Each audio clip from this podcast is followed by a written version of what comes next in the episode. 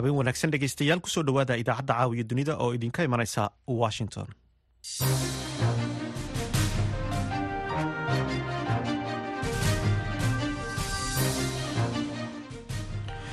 waa salaasa bisha februari ee sanadka labada kun afariyo labaatankuna waa labaatan. Waxaad naga dhegaysanaysaan mawjadaha gaagaaban ee lixiyo tobanka iyo sagaaliyo tobanka mitirban iyo boggeena internetka v o e somaly com. Saacadda afrikada bari waa toddobadii fiidnimo. Idaacadda caawiya dunidana waxaa idinla socodsiinaya anigoo ah xuseen barre aadan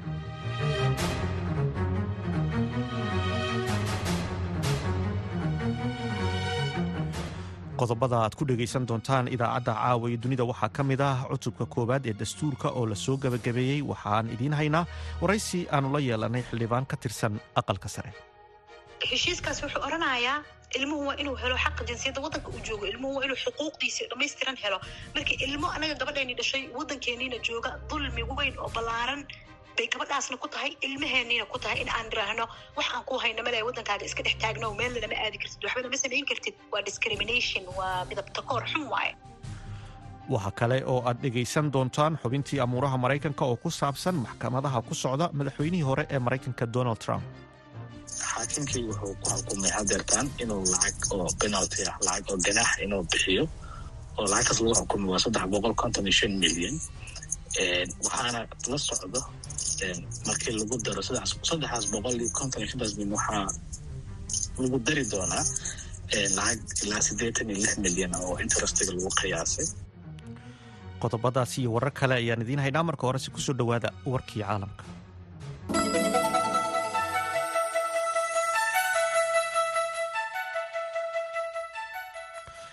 golaha ammaanka ee qaramada midoobay ayaa lagu wadaa in goordhow uu cod u qaado qaraar ay geysay dowladda aljeria kaas oo lagu dalbanayo in si deg deg ah xabad joojin looga hirgeliyo khaza qaraarka dalalka carabta ay geeyeen golaha ammaanka ee qaramada midoobay ayaa waxaa taageeray inta badan dal ee xubnaha ka ah qaramada midoobay waxaana uu dalbanayaa in la helo xabad joojin shan bilood ah fadhiga golaha ammaanka ayaa bilaabmay tobankii subaxnimo ee saacadda bariga amerika ee dalkan maraykanka kuna beegan lixdii maqhribnimo xilliga geeska afrika. Waxaana la filayaa in maraykanka uu awoodda qayaxan amaba diidamada qayaxan ee vitoga uu ka hor istaagi doono hase yeeshee dowladaha carabta ee riixaya ayaa rajaynaya in ay soo jiitaan dareenka caalamka si loo soo afjaro dagaalka u dhexeeya israa'iil iyo xamaas. Danjiraha maraykanka ee qaramada midoobey linda thomas greenfield ayaa sheegtay in maamulka madaxweyne biden uu diidi doono qaraarka algeria sababo ay ku sheegtay in qaraarku uu faragelinayo dadaalada socda ee uu maraykanku ku rabo inuu heshiis ku kala dhex dhigo dhinacyada dagaalamaya dhanka kale maraykanka ayaa faafiyey qaraar qabyo ah oo ka soo horjeeda kan lagu wado in maanta ay u codeeyaan xubnaha golaha ammaanka. Qaraarka maraykanka oo ay v o edu aragtay ayaa dalbanaya in khaza laga dhaqangeliyo xabad joojin kumeel gaar ah oo socon doonta ilaa lix toddobaad iyo in xamaas ay sii dayso dhammaan dadka ay ka hayso israa'iil iyo in israa'iil ay qaado dhammaan xayiraadaha ay saartay gargaarka bini'aadannimo ee gelaya marinka khaza dhinaca kale israa'iil ayaa sii wada duqaynta dhanka cirka ah ee ay ku hayso marinka khaza kadib markii la soo wariyey in maanta oo salaaso ah ay madaafiic ku garaacday bartilmaameedyo dhowr ah oo ku yaalla degmada khan yunis iyo deegaano kale oo ku yaalla dhinaca koonfureed ee marinka khaza meelaha la duqeeyey ayaa waxaa ka mid ah magaalada khan yunis oo la sheegay in ay sidoo kale uu ka dhacay dagaal culus oo u dhexeeya ciidamada israa'iil iyo xogaga xamaas wariyaasha ayaa sidoo kale ku soo waramaya in xaafadda zaytuun iyo xaafadaha ku hareereysan la garaacay. Militariga israa'iil ayaa isna maanta ku amray dadka rayidka ah ee ku nool xaafadaha zaytuun iyo turkumaan ee dhinaca koonfureed ee khaza in ay ka baxaan taasi oo muujinaysa in xoogaga falastiiniyiinta ay weli iska caabin adag ka wadaan aagaga waqooyiga khaza tan iyo toddobadii oktoobar markaasi oo bilowday dagaalka israa'iil iyo khaza ayay wasaaradda caafimaadka ee khaza ee hoos timaada xamaas ay sheegtay in khaza lagu dilay in ka badan sagaal iyo labaatan kun oo qof oo rayida una badan dumar iyo carruur dowladda koonfur afrika ayaa maantoo salaaso ah ku boorisay maxkamadda caalamiga ee cadaaladda in ay soo saarto fikrad sharci ah oo aan qasab ahayn taas oo sharci darro ka dhigaysa qabsashada israa'iil ee dhulka falastiiniyiinta go'aankaasi oo ay koonfur afrika ku sheegtay inuu gacan ka geysanayo dadaalada lagu doonayo in xal waara looga gaaro arrinta israa'iil iyo falastiin maxkamadda caalamiga ee cadaaladda ayaa maalintii labaad dhegeysanaysa. Dooda wakiilo matalaya koonfur africa waxaana dhegeysiga dacwadan uu daba socdaa. Codsi ka yimid golaha guud ee qaramada midoobay kaas oo maxkamadda ka codsaday inay soo saarto qaraar ra'yi ah oo aan dhaqangal ahayn balse muujinaya in sharci darro ay tahay qabsashada israa'iil ee dhulka falastiin. Inka badan konton dowladood ayaa soo bandhigi doona doodo arintan ku aadan ilaa iyo bishani februari isniintii wakiilada falastiin ayaa ka codsaday maxkamadda u sarreysa qaramada midoobay in uu ku dhawaaqo in qabsashada israa'iil ee dhulkoodu ay sharci darro tahay iyagoo sheegay in go'aankaasi uu gacan ka geysan doono xal laba wadan ah oo nabad ah oo waara oo u dhexeeya israa'iil iyo falastiin. Intaasna dhegeystayaal waxaa noogu idil warkii dunida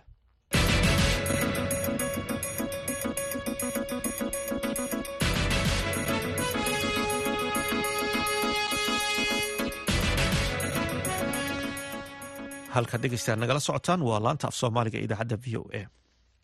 Baarlamaanka soomaaliya ayaa maanta soo gabagabeeyey dooda cutubka koowaad ee dastuurka iyo qodobada la soo jeediyo in la bedelo ama la saxo. Xildhibaanada ayaa la filayaa in ay toddobaadkan dhammaadkiisa u gudbaan cutubka labaad haddaba waxaa noo suurto gashay inaanu wareysano senator sareedo maxamed xasan jayte oo ka mid ah xildhibaanada aqalka sare. Haaruun macruuf ayaa ka wareystay aragtida haweenka xildhibaanada ah iyo qodobada laga dooday iyo kuwa soo socda. Qodobo si gaara adiga kuu soo jiitay sagaalkaa qodob ee cutubka koobaad uu ka kooban cutubyada oo dhan waana soo jiidanayeen because waxyaaba muhiim ah baa ku jirtay astaanta qaranka laga hadlaayay sida calanku noqonayo sida heesta calanku noqonayso dhulka soomaaliyeed waa xaggee waxyaabahaas asaasiga oo dhan mabaadi'dii asaasiga ahayd baa ku jirtay laakiin annaga dumar ahaan aniga guddoomiyaha haweenka aqalka saraan ahay dee gabar ahaanna waxaan khaas shacabka soomaaliyeed o dhan baan matelayaa laakiin waxaan si gaar ah u matelayaa haweenka marka waxaan anaga aad anagoo gabdhaha ah aan culays badan u saarnay.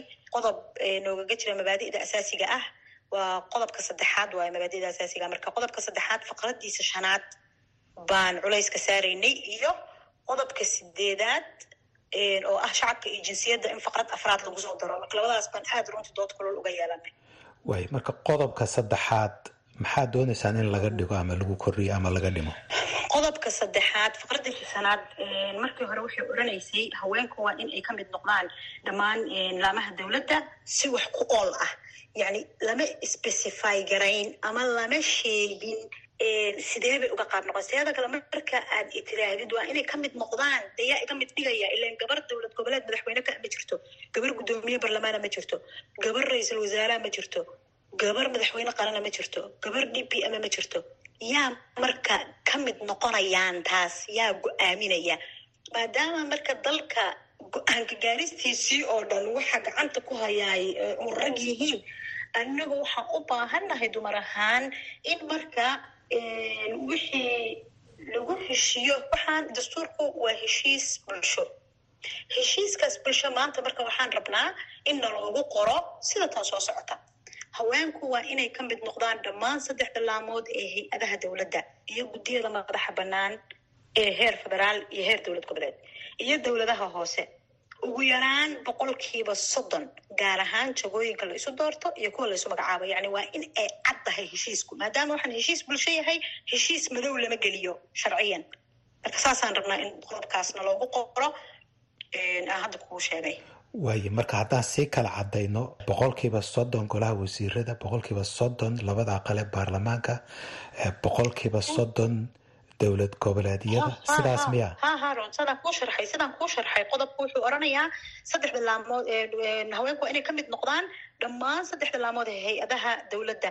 Yacni waa inay ka mid noqdaan baarlamankii waa inay ka mid noqdaan wasiiradii goli wasiirada iyo xukuumaddii oo dhan laamaheeda kala duwan iyo xataa guddiyada madaxa bannaan. Sagaal guddi buu dastuurku sheegayaa guddiyadaasna waa inay ka mid noqdaan.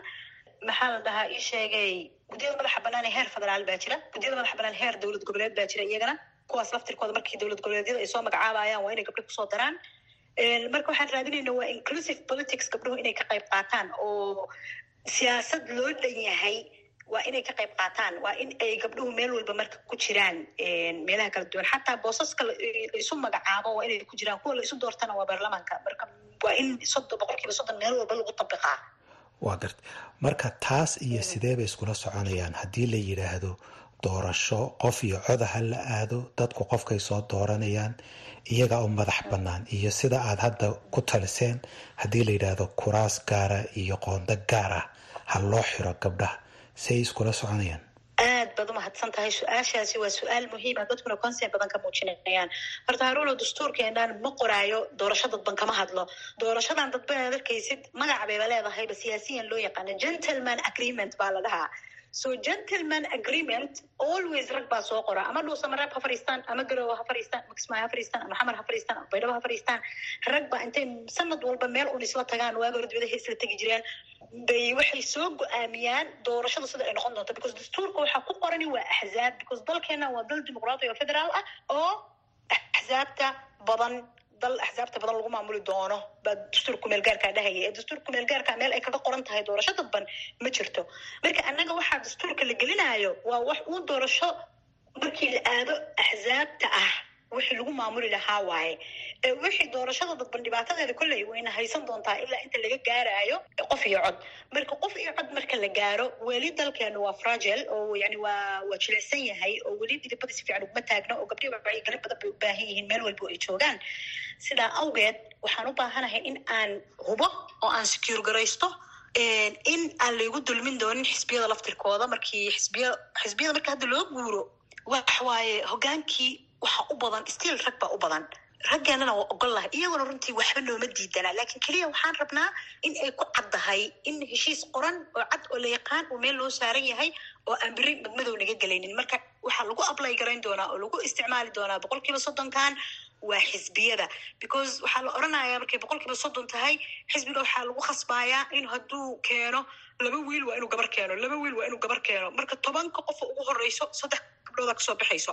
Way. Haddaysanba afar ka soo bixin qodobka sideedaadna waxaa tiri dood baan ka qabnaa bal taasna sharax. Isla cutubkan koobaad faqradiisa qodobkiisa sideedaad wuxuu ka sheekeynayaa shacabka iyo jinsiyadda. Yani wuxuu ka sheekeynayaa qofka soomaaliga jinsiyadda haddii siyaasisi ah loogama qaadi karo qofka soomaaliga wuxuu xaq u leeyahay jinsiyadda. Marka waxaa jiro xeer la qoray kun sagaal boqol lixdan lixdan labadii meelahaas oo oranaya gabadha jinsiyadda yani aan u ogolaanaynin waa wax sigistiiskii ah wax ka dambeeyeyna lama qorin marka maadaama maanta dastuurka inoo furan yahay waddamada caalamka ee weliba carabta ah ee weliba islaamka ah ilan qof kuu context dhow ay kuu mara eg oo kuu diin eg baa wax laga soo qaataa. Masar haddaan fiirino tunis haddaan fiirino jazair haddaan fiirino ciraaq haddaan fiirino dhammaantood deriska haddaan fiirino dhahno africa iyo aan fiirino wixii noo context dhowna. Waxa waaye kenya noo dhawaatana turki waatana waxa waaye inooma dhawaa turki laakiin yani waa waddan islaam ah.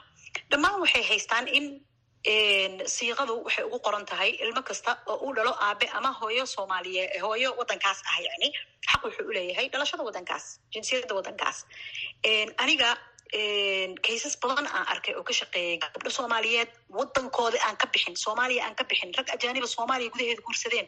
Haddana ilmihii wax maxaa lagu samaynayaa? Ilmahan xuquuq inuu yeesho waaye ilmahan maxaa lagu samaynaya marka anaga waxaan rabnaa in faqrad lagu daro afaraad saddex faqradood ka kooban yahay qodobka sideedaad hal faqrad in lagu daro faqradaasoo odhanaysa ilmo kasta oo uu dhalo aaba soomaaliyeed ama ay dhasho hooyo soomaaliyeed wuxuu xaq u leeyahay in uu helo jinsiyadda soomaaliyeed taas marka ilmaha anaga soomaaliya waxaan aan saxiixnay heshiiska caalamiga ee xuquuqda carruurta waxaan saxiixnay heshiiskaas wuxuu soo baxay kun iyo sagaal boqol sideetan sagaalkii annaga labadi kun iyo shan iyo tobankii aan saxiixnay oo qaadanay marka heshiiskaas wuxuu odhanayaa ilmuhu waa inuu helo xaqa jinsiyadda waddanka uu joogo ilmuhu waa inuu xuquuqdiisi dhamaystiran helo.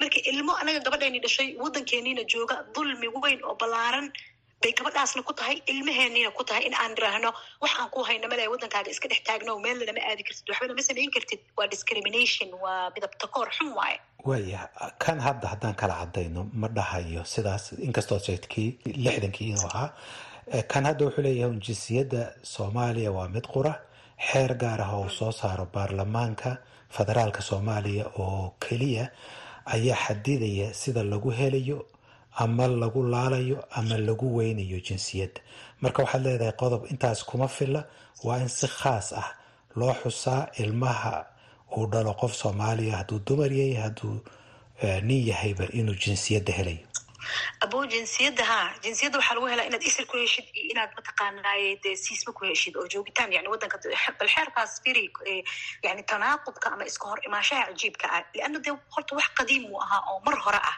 wadankuna uu markaasi dagaalo ka soo baxay dhibaatooyin badan ay jirtay laguma qiimeyn karo maantayto waktigaas marka wuxuu xeerkaasi odhanayaa qofka wadanka markuu deganaado shan sano wuu qaadan karaa jinsiyadda ama lix sano miya exactly imacayimna shan sano malaynaya inay tahay waa qaadan karaa fa maxaad moodaa ilmaha hagii wadanka ku dhashay ma qaadan karo yani ninka soomaaliga ah hadduu hadda gabar oromaa guursado ilmahaasi waa soomaali aniga walaalkay ila dhashay naagtiisa markay ethoobiyan tahay oo ilmahaasi uu soomaali yahay wadankana xuquuq ku leeyahay aniga oo walaashiis ah ilmahaygii maxaa diidaaya ana clarify gareey yani walaalkay walaalkayga aniga ila dhashay ma qabo anigana ilmahaygu waa soomaali laakiin tusaala u soo qaadanaya tusaale ahaan waaye yani saasa loo fahmo aad ay umaadsantahay waxay ahayd senater sareedo maxamed xasan jayte oo u waramaysay haaruun macruuf halkaad kala socoteenna waa laanta af soomaaliga ee v o a dhinac kalena dowladda soomaaliya ayaa iska fogeysay in warbaahinta dowladda ay ka joojisay baahinta khudbaddii uu shalay baarlamaanka. Ka jeediyey madaxweynihii hore ahna mudane ka tirsan baarlamaanka soomaaliya sheekh shariif sheekh axmed warbixin arrintaasi ku saabsan waxaa inoo haysa falastiin axmed iimaan. Dooda ku aadan wax kabeddelka dastuurka ayaa u muuqata mid abuuraysa xiisad siyaasadeed xilli ay dowladdu wajahayso culaysyo dibadda iyo gudaha ah siyaasiyiin iyo madax hore oo dalka soo mara ayaa u arkay in wax kabeddelka dastuurka ama dhammaystirkuba ay tahay mid aan waddo sax ah loo maraynin. Maamulka puntland ayaan weli iyagu wax wada shaqayn ah la lahayn dowladda dhexe waxaana weli madlan.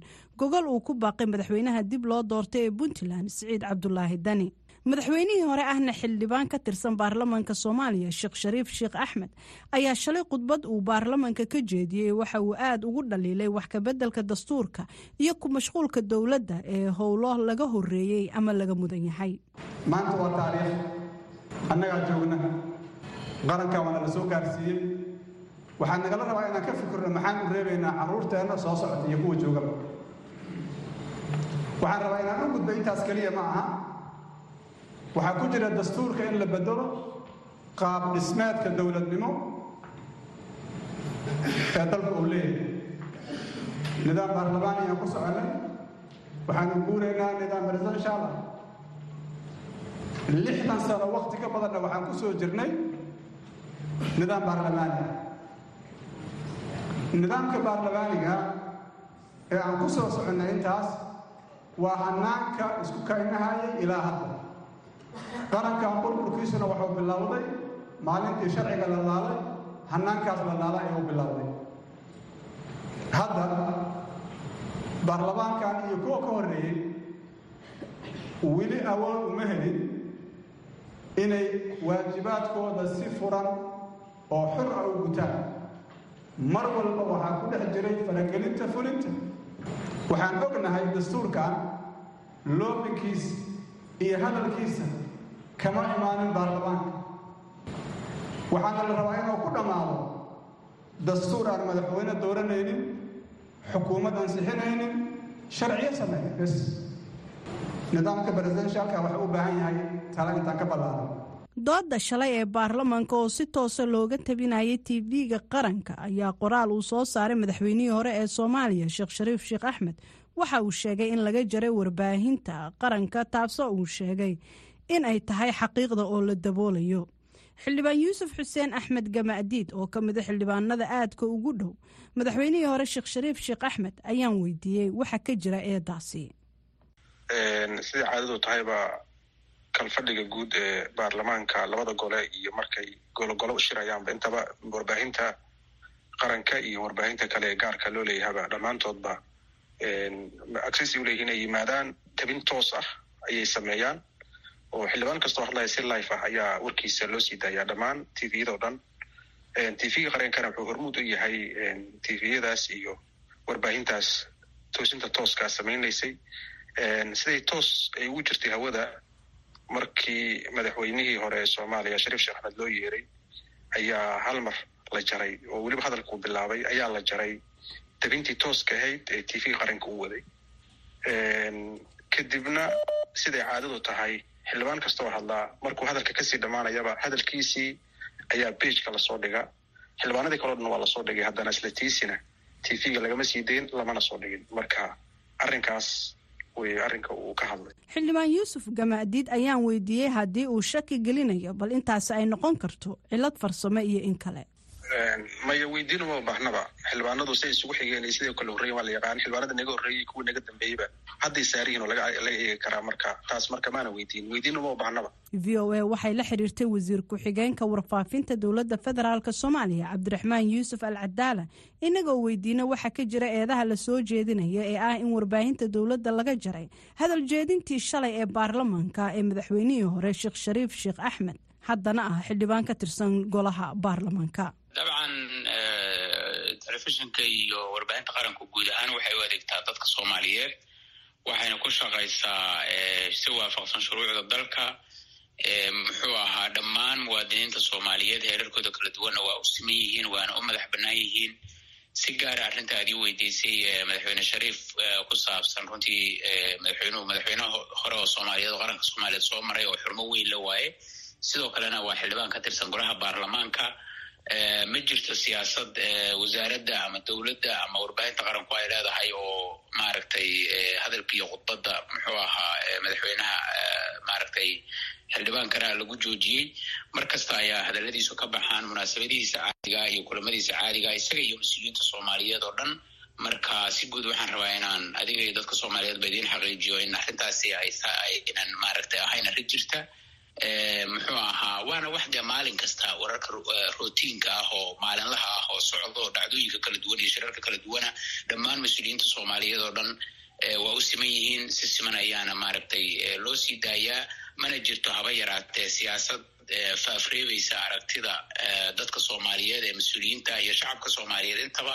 Madaxweynihii hore sheekh shariif sheekh axmed ra'iisul wasaarihii hore xasan cali khayre iyo xildhibaan cabdiraxmaan cabdishakuur ayaa goor sii horreysay bayaan ay soo saareen. Waxay ku muujiyeen sida ay uga soo horjeedaan una dhaliilayaan qorshaha dastuurka wax lagaga bedelayo iyagoo sheegay in wadatashi iyo isdhegaysi loo baahan yahay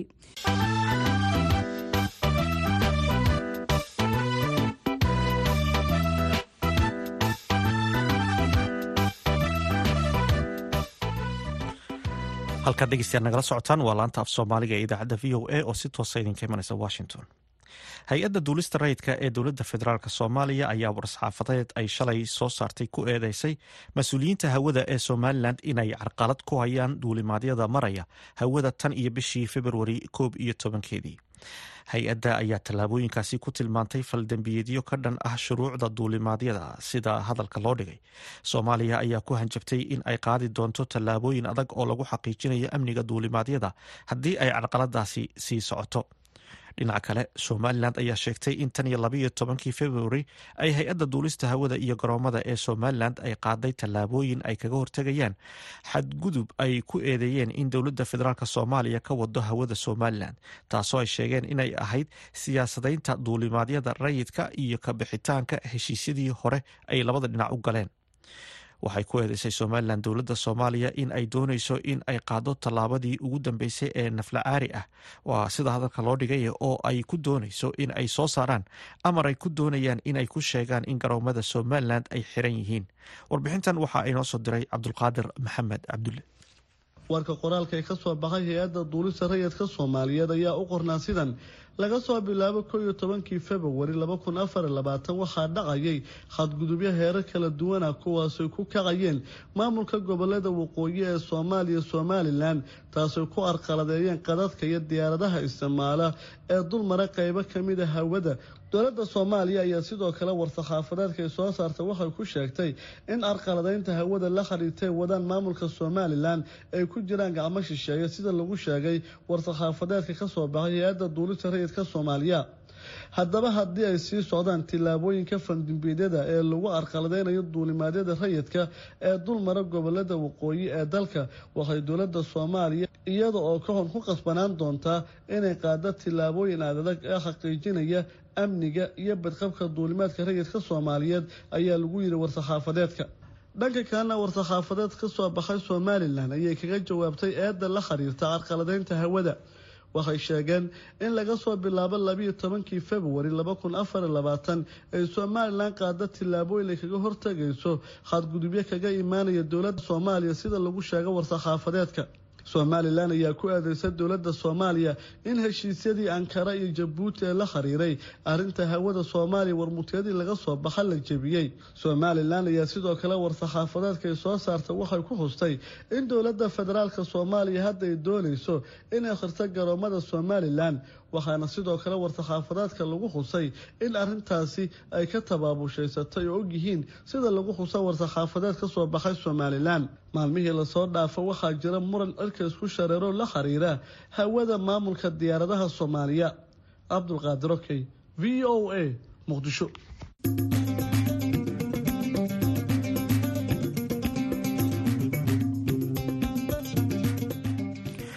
dhinaca kalena golaha ammaanka ee qaramada midoobay ayaa kulan ka yeeshay xaaladda soomaaliya iyada oo halkaasi lagu soo hadal qaaday xiisadda siyaasadeed ee u dhexaysa soomaaliya iyo etoobiya danjiraha soomaaliya abuukar cismaan ayaa ku eedeeyey etoobiya in ay doonayso dhul soomaaliyeed inay goosato.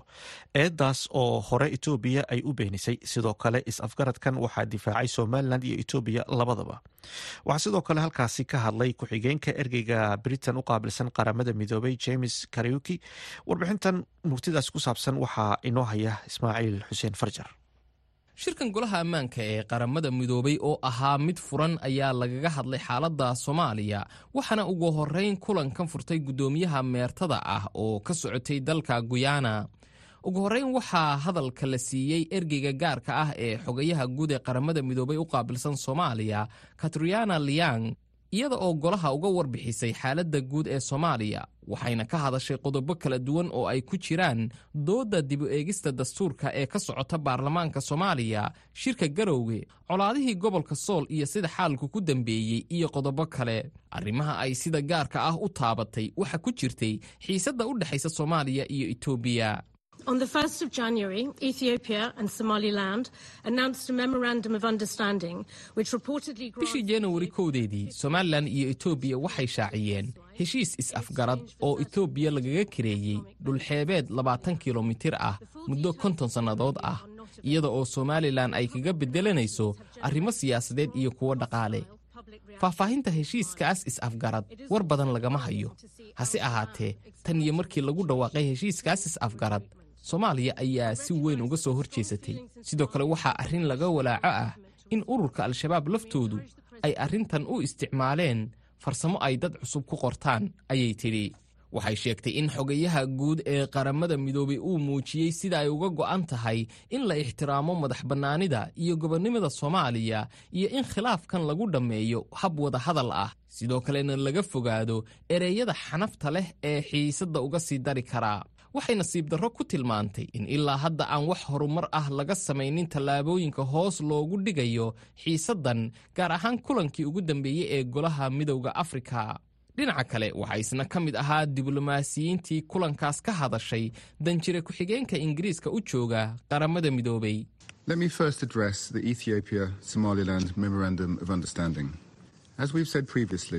The United Kingdom reaffirms its support for Somalia's sovereignty and territorial integrity.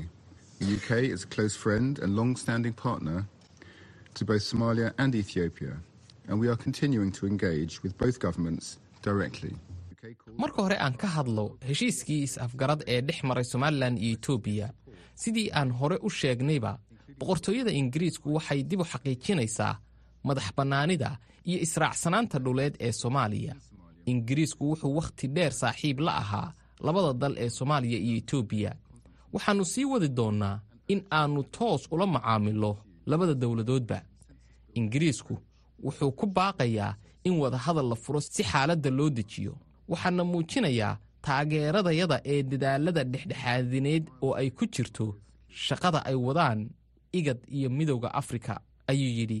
Danjiraha soomaaliya u fadhiya qaramada midoobay abuukar daahir cusmaan oo gebagabadii kulanka ka hadlay ayaa si adag uga hor yimi heshiiska is-afgarad ee dhex maray somalilan iyo etoobiya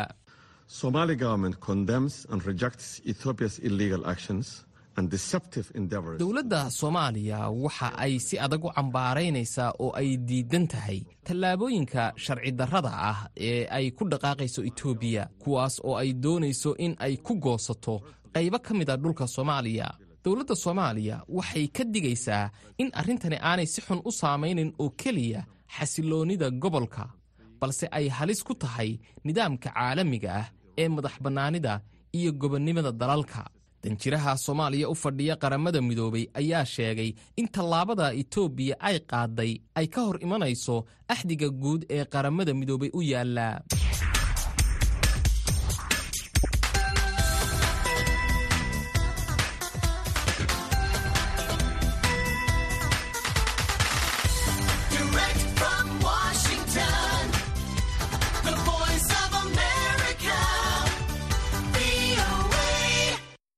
fiid wanaagsan dhegaystayaal ku soo dhowaada barnaamijka toddobaadlaha ee caweyska dhadhaab kaasoo idinkaga imaanaya. La'aanta afka soomaaliga ee v o a reediyoga xeryaha dhadhaab. Barnaamijka toddobaad walba waxaad ku dhagaysataan labada mawduuc ay ugu hadalheynta badan yihiin. Bulshooyinka ku nool xeryaha qaxootiga iyadoo dhegeystayaasheena dhadhaab iyo deegaanada ku xiran ay si toosa nooga dhegeysan karaan idaacadda f m-ka v o eda dhadhaab ee ka soo gasha mawjada f m-ka hal eber lix dhibic todoba megahartis barnaamijkeena caawa qodobada aad ku maqli doontaanna waxaa ka mid noqon doonaa bulshada ku nool xeryaha dhadhaab ayaa ganacsatada ka codsaday in hoos loo dhiga qiimaha maciishada suuqada xeryaha maadaama uu hoos u dhacay sarifka lacagaha doolarka sidoo kale barnaamijka waxaa qeyb ka ah qaar kamida ardayda wax ku barta dugsiyada sare ee xeryaha ayaa aragtiyo kala duwan ka dhiibtay doorka ay ka qaadan karaan joojinta tahriibka oo ku soo badanaya gudaha xeryaha dhadhaab ee gobolka waqooyi bari. Kama marna xubintii shakhsiga oo toddobaadkan ay marti noogu tahay deeqa cabdi cabdulle oo ka mid ah guddiga dadka naafada ah ee xerada xagardheera oo ka warbixin doonta tababar loo qabtay qaar ka mida bulshada naafada ah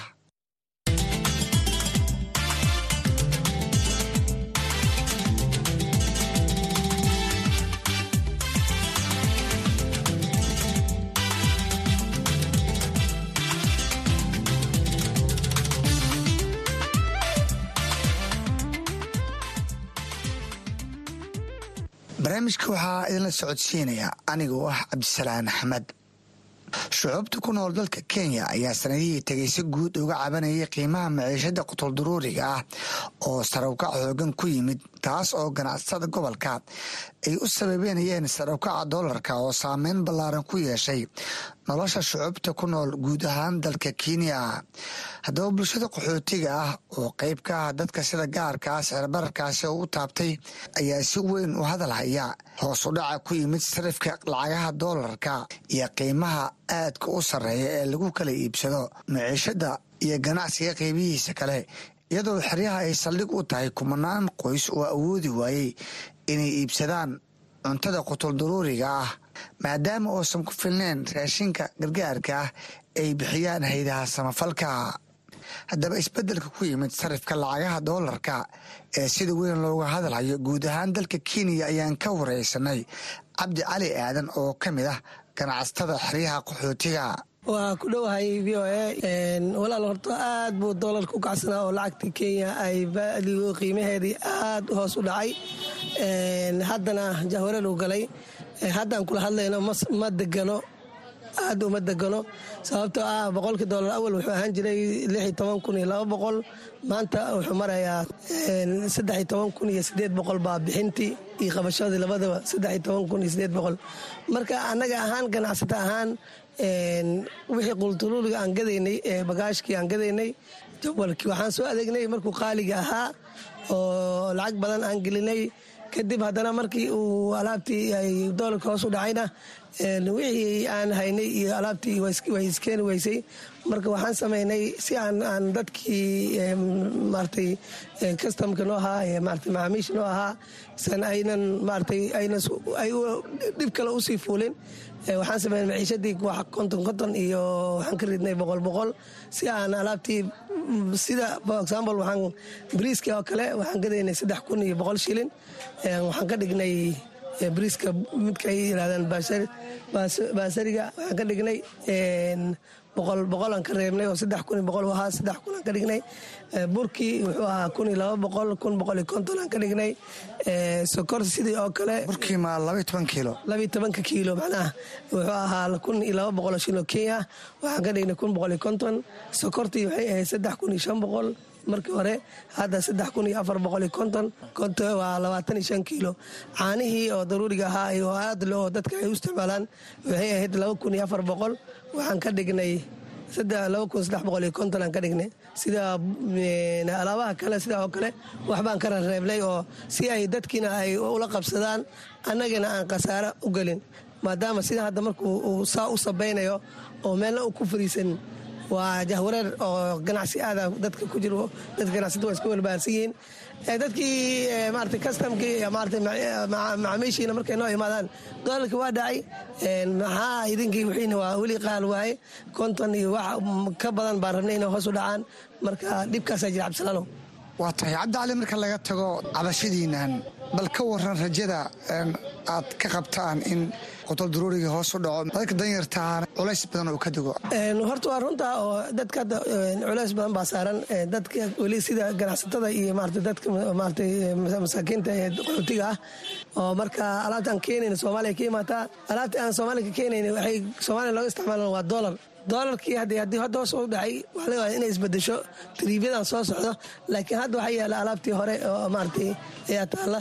Marka waxaana waa siday isu bedelaan. Mar walba inaad la jaanqaadid oo ay isu bedelaan. Dadkiina ay wax u helaan oo maaratay customki macaamiishii dad wax u helaan. Adigii maaratay meesha wax ka raadsanayena aad wax uga heshid. Waxaa aad laydinku eedeeyaa inay adag tahay inaad dib ula jaan qaadaan isbeddelka ku yimid qiimaha doolarka ood wax ku iibsanayseen. Sidee lagu heli karaa in qiimo hoose oo jaban aad badeecadaha ku iibisaan cabdisalaan horta ganacsigu waa badan yahay ama waa skaalskaal badan yahay.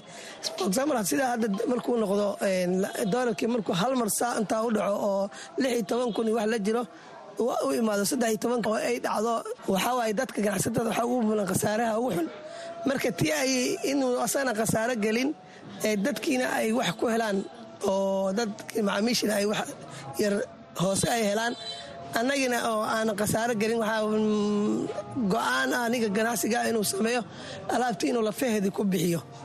Waxba ka faa'iido ka raadinin. Si tan dambe markay imaato uu iskugu qaboojiyo oo ay isku noqdaan wax balans isku dheelitira inay noqdaan. Aad buu u mahadsan yahay kaasina wuxuu ahaa cabdi cali aadan oo ka mid ah ganacsatada xeryaha oo u waramay barnaamijka cawiijka dhadhaab ee warbaahinta v o a dhinaca kale bulshada danyartaa ee ku nool xeryaha ayaa rajo badan ka qaba isbeddel ku yimaada qiimaha maciishada si ay u helaan raashin beec qabow oo wax badan ka hooseeya qiimihii ay wax ku iibsan jireen. Aasiya cali ooyow oo hooyo muruqmaalaha oo ku nool xeryaha waxay sheegtay in bilihii tagay sarukaca doolarka oo toos u taabtay nolosha danyarta ah ayagoo awoodi waayay inay iibsadaan raashinka qotol duruuriga ah haa hoogsato oo dhardhaqaal iyo. Alaabdhadhaqoow iyo. Waxaasunba ku noolna maanta dhan roorasee saddex boqolaa kuu soo bixi marka ilmihiina wax uma goyso marka waa iska rafaadsannahay wixii oo raashin ahaan oo loo gadan oo lahayna waxa way qaali way kiilo bariis boqol iyo soddon kiilo sokor boqol iyo lixdan maxaa noo goyni way qoryo gad wax walba gad. Ilma aduuda lata ninac iisoo gad wax kasta waa la rabaa. Male way marka. Waa hilib boqol iyo konton way oo hilib geel ah waa tahay maadaama doolarka jabay in cuntadii iyo raqiis noqoto raje inta leeg baa ka qabtaan. Waxaan rajaynaynaa ina cuntada hoos noqoto doolarkii waa jabay ina cuntadina la jabiyo oo masaakiintana ay noolaato. Aa la rabaa.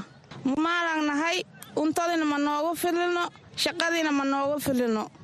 Waxaan rabnaa ina raashinka noolo hoosna noo dhigo. Ganacsata waxaan ku codsanaynaa ina oo raashinka hoos nooga dhigaan dib hoos u eliyaan aan u noolaano unukana kaarka yucagna ma noogu filno waa la yareeyey raashinka aad iyo aadaa loo yareey shakuuladii waa la yareey marka waa laiska rafaadsan yahay ganacsatadana dadka u nahaan masaakiinta ha fiiriyaan taajiriinta ha fiirinin. Cuntadii waxay dhahaayeen qaali baan ku soo gadane marka maxaa la rabaa inaa untadi hoos loo dhigo? Unukan saan ku noolaano. Dad oo danyar oo masaakiin ah kahootiga ay joogtaa aad bay u mahadsan tahay taasna waxay ahayd aasiyo cali oyow oo ka mid ah qaxootiga muruqmaalka ee ku nool xeryaha oo noogu warantay gudaha xeryaha dhadhaab ee gobolka waqooyi bari. Ugu dambeyntiina bulshada qaxootiga ah ayaa ganacsatada ka codsaday in isbeddelka doolarka uu sameeyey ay la jaan qaadaan. Si dukaamaysiga suuqada xeryaha looga dareemo hoos u dhac ku yimaada maciishada qaybaheeda kala duwan. Waa kan cabdifataax sheekh nuur oo ka mida qaxootiga oo u waramay barnaamijka caweyska dhadhaab. Absalaano waad mahadsan tahay marka xigto waxaan rabnay horta maarata dolarkiia hoos u dhacay. Inkastoo dolarka hoos u dhacay maarata adeegii oo raashiinkii iyo maarata dadka masaakiinta in hoos looga dibciyo aan doonayn weli qiimihii maarata weli hoos looma dhigin laakiin waxaan rajaynayna qiimaha in hoos loola dhigo. Ganacsadaha waxaa dhihi jireen markii hore lacag qaali aan ku soo gadnay hadda laakiin inkastoo aa isbedelay dolarkii hoos u dhacay waxaan doonaynay in maarata hoos loola dhigo oo masaakiinta iyo in loo naxariisto. Qaxootigii maarata inta badan xoolama haystaan oo waxyaabooyin badan oo ad maarata aday lacag la'aanna waa iska jirtaa marka shicir bararka dadka badan maarata dhibaato badanoo ku hayay. Marka hadda rajaa u muuqato marka aad maarata dolarka hoos u dhacay. Ganacsadada maarata oo qaxootiga joogto waxaan ka codsanayna inay maarata aday wixii hoos ay nooga dhigaan. Dadkana ay u naxariistaan aad ba u mahadsan yahay. Kaasna wuxuu ahaa cabdifataax sheekh nuur oo la hadlay barnaamijka caweyjka dhadhaab oo si toosa idinkaga imaanaya la'aanta afka soomaaliga ee v o a. Waxaa idinku soo maqan sheekooyin kale oo la xiriira isla wararka qaxootiga balse iminka idinku wareejiyo saaxiibkay axmed cabdulaahi jaamac oo stuudiya igula sugan si uu nagu soo tabiyo barnaamijka qaybihiisa kale. Mahadsaned cabdisalaan axmed dhegaystayaal waxaad nagala socotaan barnaamijka caweyska dhadhaab oo aad ka dhegaysanaysaan laanta afka soomaaliga ee idaacadda v o a. Waxaanuu barnaamijku si toosa idinkaga imanayaa xeryaha dhadhaab ee gobolka waqooyi bari ee kenya. Ku soo dhowaada warbixinno kale oo la xiriira nolosha dadka ku nool xeryaha qaxootiga oo qayb ka ah barnaamijka caweyska dhadhaab ee toddobaadkan. Waxaa ka mid a qodobada aad ku maqli doontaan xubintii shaqsiga oo toddobaadkan ay marti noogu tahay deeqa cabdi cabdulle oo ka tirsan guddi ay leeyihiin dadka baahiyaha gaarkaa qaba ee xerada xagardheer oo aan ka waraystay tababar ku saabsan xuquuqda aadanaha oo dhowaan ay ka qayb gashay duruufaha dadka laxaad kale iyo waayaheeda nololeed ee xeryaha qaxootiga. Waxaad kale oo maqli doontaan dhallinyarada xeryaha qaxootiga oo ka aragti dhiibtay falal tahriiba oo waayadii dambe aada ugu soo batay xeryaha dhadhaab. Haddii aan ku bilaabo dhegaystayaal xubinta shaqsiga deeqa cabdi cabdulle waxay xubin ka tahay guddi ay leeyihiin dadka baahiyaha gaarkaa qaba ee xerada xagardheer dhowaan ayay iyada oo matalaysa guddiga ay ka tirsan tahay tababar ku saabsan xuquuqda aadanaha kaga qayb gashay xerada xagardheer deeqa ayaan ka waraystay. Waxa ay ka fahantay tababarkan oo ay bixinayeen xubno ka socday guddiga qaran ee xuquuqda aadanaha ee dalkan kenya. Waxaa kale oo waraysiga ku jira oo aan deeqo wax ka weydiiyey duruufaha ku xeeran dadka baahiyaha gaarka a qaba iyo waayaheedana nololeed ee xeryaha qaxootiga. Tababarkan wuxuu ku saabsanaa sida xuquuqda biniaadanka oo loo ilaaliya oo wixii macnaha dhibaato ahoo bulshada ka jira ee loo loo sheegi lahaa ama loo ilaalin lahaa oo kala qof kasta oo bulshada ka mid ah si uu xaquuqdiisa u heli lahaa ayaa macnaha yaa tababarkaas uu ahaa. Idinku qaxooti baa tihiin. Qaxootiguna inta badan waxay dhahaan qofka qaxootiga ahay ma laha xaquuq. Ma dacwadaan waxba ma raadsadaan inta badanna waxaa laga yaabaa inay la kulmaan tacadiyo ka dhana. Marka maxaad ku ogaateen oo awaleydaan ogeyn?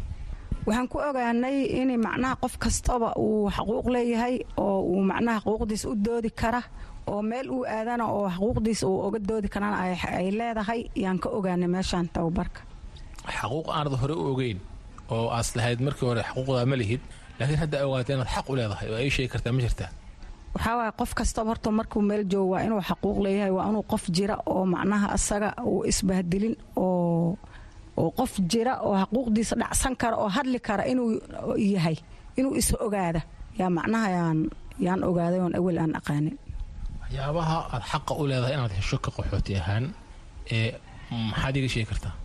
Waxyaabaha aan xaqa u leeyahay markaan qaxooti ahay waxaa ka mid ah sida caafimaadka waxbarashada raashinka wax alla biyaha intaas oo dhan inaan helo aan yaan macnaha aan xaquuq u leeyahay aan ogaaday. Dadka qaxootiga waxaa hays u ah inay dhahaan qof qaxootiyihii xaquuq ma leh. Fikirka adigu hore ma u qabtay haddaa hore u qabtay si hadda miskaa bedelay haa marka hore waxaan u qabay inuu qof qaxooti ah xaradaa isaga jiraaya raashinkaas iyo wixii la siiyo uun iska qaadanaya laakiin xaquuqdiisa waa sii dheereen laakiin hadda waan ogaaday qof kasta ama qaxooti ah waa mahaanin inaa isku mid tihiinoo xaquuq ah wada leeyihiinoo dadka uu siman yahaa ogaaday. Waxaa aada u yaraaday kaalmadii bini'aadanimo ee laga qaadan jiray hay'adaha gaar ahaan hadday noqoto ee, waxaan soo sheegnay oo muhiimka caafimaadka biyaha waxbarashada iyo raashinkii xataa oo hadda boqolkiiba konton la dhimay ee ma laga hadlay arrimaha intaa ku jirteen tababarka?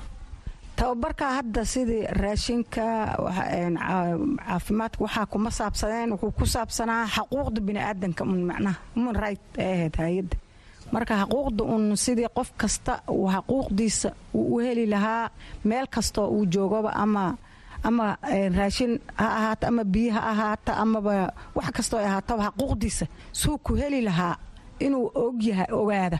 Unbaa markaas aanalo baray tababarka. Waxyaabahan aan soo sheegay hay'aduhu bixiyaan. Haddii qofka qaxootiga waayo ama tusaalehaan adigu aa weydo ma u dacwoon kartaa oo ma dhihi kartaa waxaasaan xaq u lahaa mana laysin. Xaggeese loo dacwoonaya waa loo dacwoon karaa waa meel kasta sida hadda tan oo gargaaroo kale laga hadli karaa hay'adahaasaan oo kale markay imaadaan oo macnaha hay'ad ay tababar bixinaysaa lala hadli karaa u n oo kale markay ay dadka mitan u bixinaysaa laga hadli karaa. Meelo badanaa laga hadli karaa sida hadda i r c oo kale meel ku taalo oo la yidhaaha g b v a laga hadli karaa.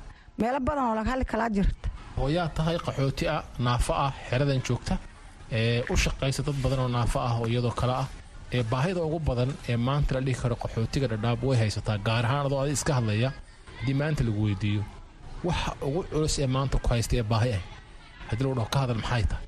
Aniga waxaan ka hadli lahaa maadaama oo meeshaan qaxooti layska jooga meel kasta aan loo meel loo dhaqaaqi karin dal iyo dibadba dad aan waxba looga soo dirayn uu iska tuuran yahay. Raashinkii lagu tiirsanaa uu u yaraada jakuuladii la yareey raashinkii la yareey caqabad badanaa jirta rafaad badanaa iska jira. Marka waxaan dhihi lahaa aniga wax kasta oo macnaha nolosha aad iyo aaday cariiri u tahay waa layska rafaadsan yahay. Raashinka dad kuma filna jakuulada kuma filna waxbarashadii iyo wixii buugta iyo qalimihii wixii ilmihii loogaday kuma filna. Marka walaahi rafaad badanaa ka jira meeshaan waxaa waaya waa layskaga rafaadsan yahay. Anigaba markaan iska soo qaada hataa dadka naafada aad baa looga dayriya wax la yidhaahdo. Dad kale way ka nolol hooseeyaan maadaama dee aan iyagu shaqaysan karin ordi karin sida dad kale. Bal wax iiga sheeg baayaha gaarkii adi aad qabto. Baahiyaha gaarka oon ani qabo waxaa waaye qof oo lug naafo kaan ahay meel badan oo ma gaara.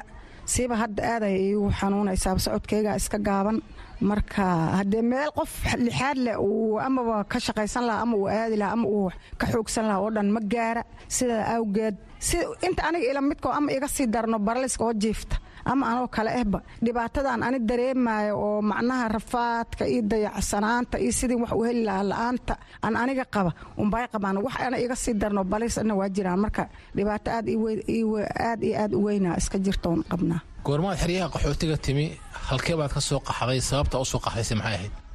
Xeryaha qaxootiga aniga waxaa imaaday labadii kun toban iyo labadii bishii lixaad. Dhibaatada weyn ani aan ka soo qaxayn waxay ahayd markaas amni darra. Waxaan ka soo qaxay een, gedaan ka soo qaxay. Meel oo la yidhaaha baar dheer faanweyn ee dhibkii aad ka soo carartay maxaa iska kaa bedelay dhinaca noloshaada? Maxaad ka raysatay? Maxaase u darsatay waxaan ka reestay amni daradii aan ka reestay si fiicanaa u saaxday ewel amni dara iyo welwel iyo waxaaba ahay cabsi cabsidii aan ka reexistay alxamdulilah haddee raashinna waa nala siiyey oo sidii la rabo ay ahaadine waa nala soo dhoweey raashinaa nala siiyey cuntadii wixii marka biyihii aan helnay caafimaadkii aan helnay waxbarashadii aan ilmihii u helay alxamdulilah waan meeshaan waan ku reystay magangeliyaan ka helay iyo kulli ilmihii aan watoo dhan waxbarasho ii galeen laba way dhammeeyeen hadda saddex foom foo waaye kuwa laba foom ay noqdeen kuwa hadda foom eh, wuxuu yahay galaastiri maasha allah alxamdulilah waa meeshaan waan ku liibaanay rafaad iyo dhib dhibka haddee dhib unbaa wax lagu bartaa soo maahan. Dhib iyo rafaad ani ruuxeyga hadda een, markaan iska soo qaada reer kaambacowsa ahaa odow kaambacowsa uu iga dhintay. Markaan soo guuraya odowga meesha iyaduu ku dhintay ilma ayagoo agoonaha intaan keenay. Markii rabatareshina loo guura la yidhi hala guura hala guura hala guura. Marka hala guura la dhahay aniga waan iska dhabar adeeg waxaan dhahay ilmahan agoomahan oo aabbana hore u jirin oo ehlen hore u jirin waxbarashadooda ha ka hadlaynin xoolo ma jiraan wax hore u jira male beer male xoolo ma jiraan.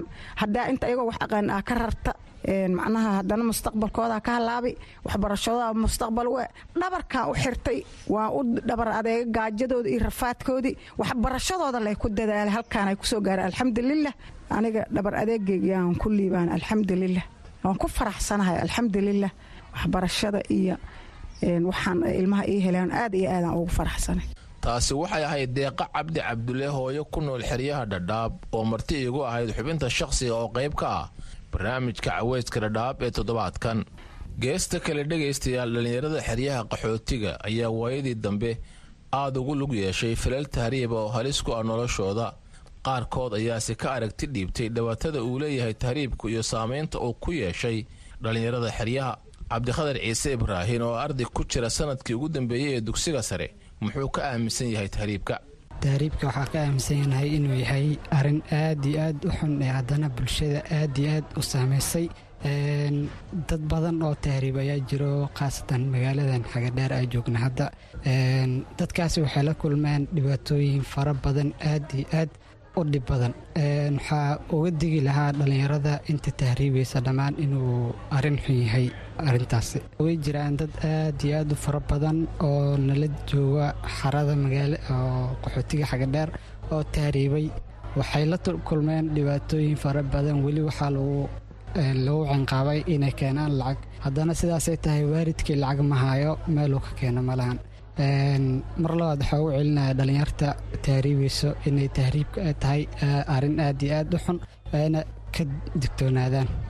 Cabdikhadar waxa uu sheegay in dhallinyarada xeryaha ay hadda aadaya tahriibka ay isugu jiraan kuwo iskuullada dhigta iyo kuwa aan iyagu waxba baranin. Dhallinyarada oo hadda tahriibayo badankood waxuu badan yihiin kuwa aanan wax baranin iyo kuwa wax bartay isku dhex jiraan. Dhammaantood marka waxaa leeyahay tahriibka waa aad iyo aad u xun yahay waa naftaada riska ay geli kartaa ha laga digtoonaado ardaygana waxa uu sheegay inaanu weligii ku fikirin inuu tahriibo sababtuna ay tahay inuu aad ula socdo dhibaatada tahriibka iyo khatarta ka dhalan karta.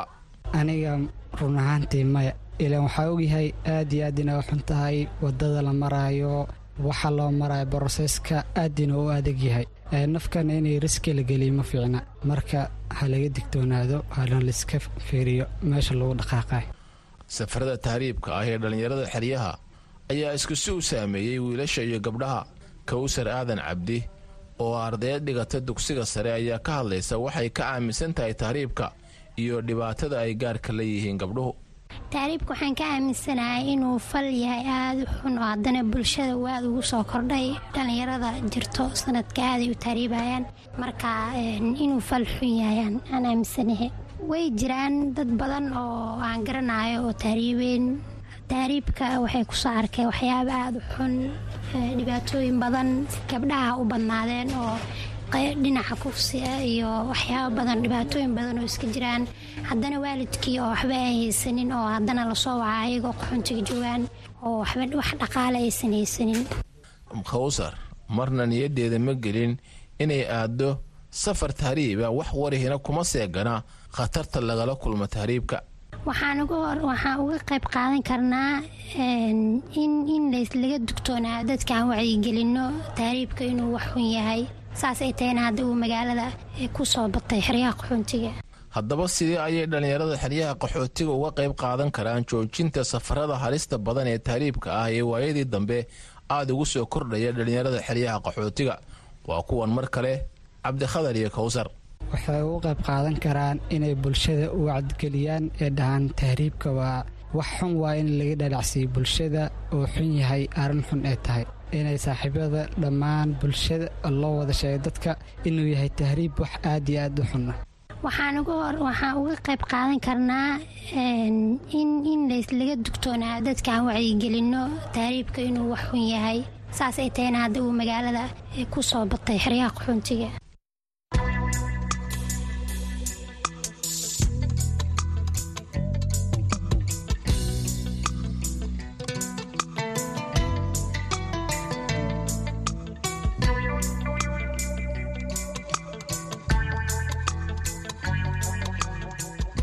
dhegaystayaal. Inta ayuu egyahay barnaamijkii caweyska dhadhaab ee toddobaadkan oo qaybtiisa dambe aan idinla socodsiinayay anigoo axmed cabdulaahi jaamaca. Intaasi aanan ka bixin aan mar kale mikrofoonka ku soo dhoweeyo saaxiibkay cabdisalaan axmed cabdisalaan oo barnaamijka ila daadihinayay mahadsanid axmed dheere dhegaystayaal haatan aan ku nasanno mid ka mid a kaalimaha suugaanta